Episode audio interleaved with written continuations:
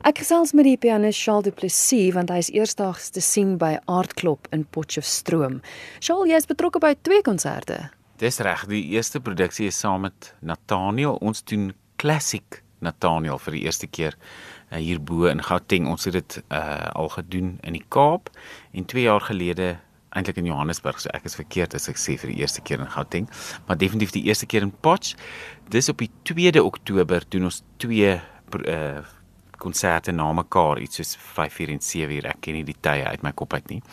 Ehm um, en dis 'n interessante konsep uh, waaraan ons uh, gewerk het, Kirstel, omdat die klassiek Nathaniel niks met klassieke musiek te doen het nie, maar wel met klassiek weergawe van eh uh, sê net maar een swing liedjie wat vir hom 'n klassiek is of 'n anthem wat 'n klassiek is of 'n koor stuk wat hy dink ongelooflik is of iets uit die barok wat vir hom 'n klassiek uh, vir teenwoordiging van daai era is. So daar is 'n strykkwartet op die verhoog saam met ons en dan sit my trio en Jean Oosthuizen speel ook gitaar by so met Nathaniel maak dit 9 mense op die verhoog.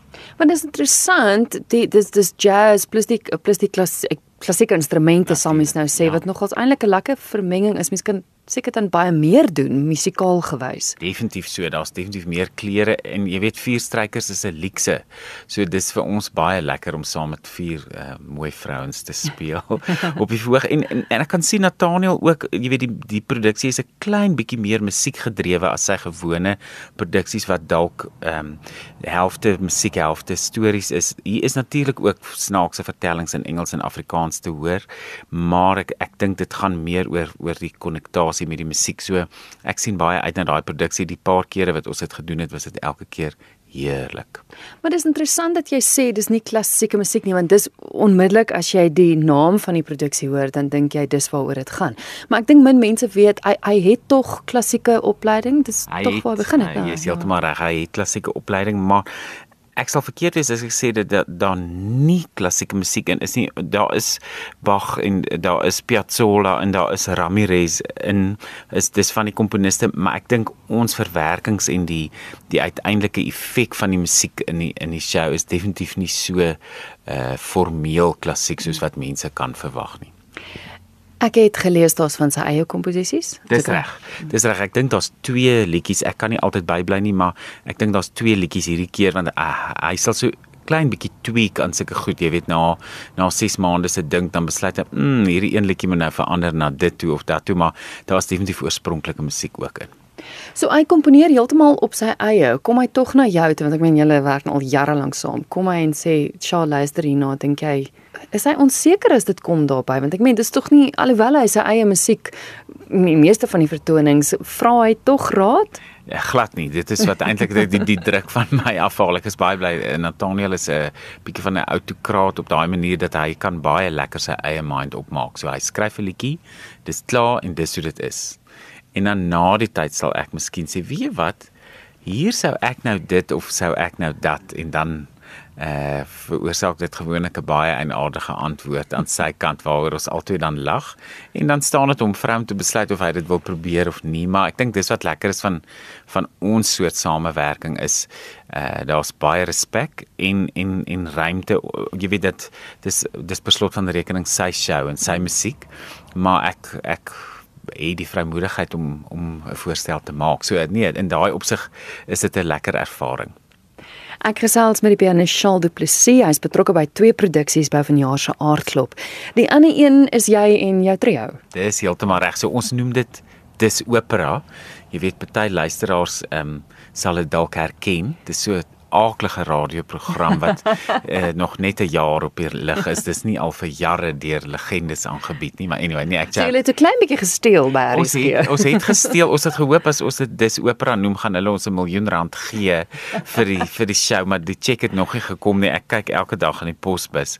So nee, die die die rede hoekom ons dit dis opera noem Kirstel is na jare van barokmusiek speel en hierdie barok swing series doen met die CD's en alles het ons nou wegbeweeg daarvan af en en hierdie is 'n volskaalse program wat opera musiek vier. En die wonderlike ding is ons vier dit sonder 'n opera sanger of sangeres. So baie mense word kwaad as ek sê nie ons wil nie hierdie keer met 'n opera sanger gewerk het nie.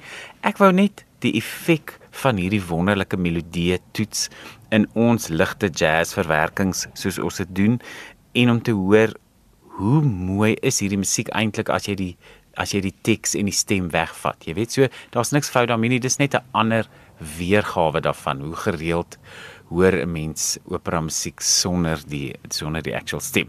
So, die luisteraars ehm um, wat geïnteresseerd is in dis opera en wil weet wat is nou actually daarin is dis dis bekende opera arias van Verdi, Rossini. Ons doen selfs iets uit Carmen, daar's Mozart towerfluit.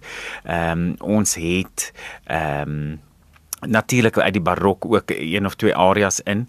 En toe ek besluit maar om net die hele tyd opera te hoor is natuurlik fantasties, maar ons is dan bekend as 'n jazz trio. Uh so hier en daar tussenin glip daar op 'n ongeluk 'n uh, 'n uh, opera aria soos Fly Me to the Moon of 'n baie bekende ander opera aria is iets soos um I get a kick out of you van Cole Porter of seker goeders. Uh so so daar is definitief vir mense wat van jazz hou ook iets. Was dit 'n hele ander werksproses? Ek meen as jy die barok musiek vat en jy doen julle verwerkings teenoor as jy die opera musiek vat, was dit dieselfde proses gewees of moes jy jou kop bietjie anders instel? Ek moes definitief my kop anders instel en jy weet wat 'n interessante uh oomblik was waar dit als gebeur het is die vorige tromspeler in, in my trio Igor Adain het het verhuis en woon nou in China en en toe Pieter Oret die nuwe die nuwe tromspeler begin. Toe was dit so 'n so bietjie van 'n waterskeidingsoomblik en en het ek myself miskien toestemming gegee om te dink, okay, hierdie barokprojek was lekker, dit was lank genoeg, nou dit tyd vir iets nuut en sy sy input is fantasties gestel. Hy hy is iemand wat baie lekker voorstelle maak en met baie slim idees vorendag kom, want beslot van rekening is hy tog die ekspert op sy instrument, nê? So ek kan nou na iets luister of iets uitdink vir 'n tromspeler, maar maar hy kom met 'n hele ander agtergrond van van idees. So dis hoekom die opera projek eintlik 'n baie lekker samewerking van ons al drie was want Werner Spies sal net sulke oulike idees gee wat die wat die baslyn aanbetref of jy weet sommer vir my sê wat ek moet speel of vir, vir Pieter, hy's 'n baie slim ou. So so dis regtig 'n lekker projek en ek dink vir 'n trio wat al jare saam speel, hierdie is ons 11de jaar, moet 'n mens natuurlik die vermoë om met nuwe goed te begin anders gaan mense later sê, "Ag, oh, ek was al by hulle ou barok ding, ek gaan nou nie weer nie." Jy weet, so dis dis vir my 'n lekker uitdaging. So dis nuut en vars. Waar is julle te sien en wanneer is julle te sien by Aardklop? So uh die dis opera produksie is uh te sien uh, nie aan die begin van die fees nie want dis wanneer Nathaniel daar is. So vir die luisteraars wat uh, Nathaniel wil kom kyk dis die 2de Oktober is daar die laatmiddag en aand voorstellings maar dis opera is die 3de Oktober die Woensdag 1uur en die Donderdag die aand 7uur en dis in die konservatorium saal. Ek dink hulle noem dit die kyk net konservatorium, maar jy kan luister ook terwyl jy net kyk. En eh uh, kaartjies vir aardklop hierdie jaar is blykbaar by Ticket Pro te koop het ek gehoor. Ek het nog nooit kaartjies by Ticket Pro gekoop nie, so ek weet nie hoe dit werk nie. Anders het ek vir die luisteraars verduidelik.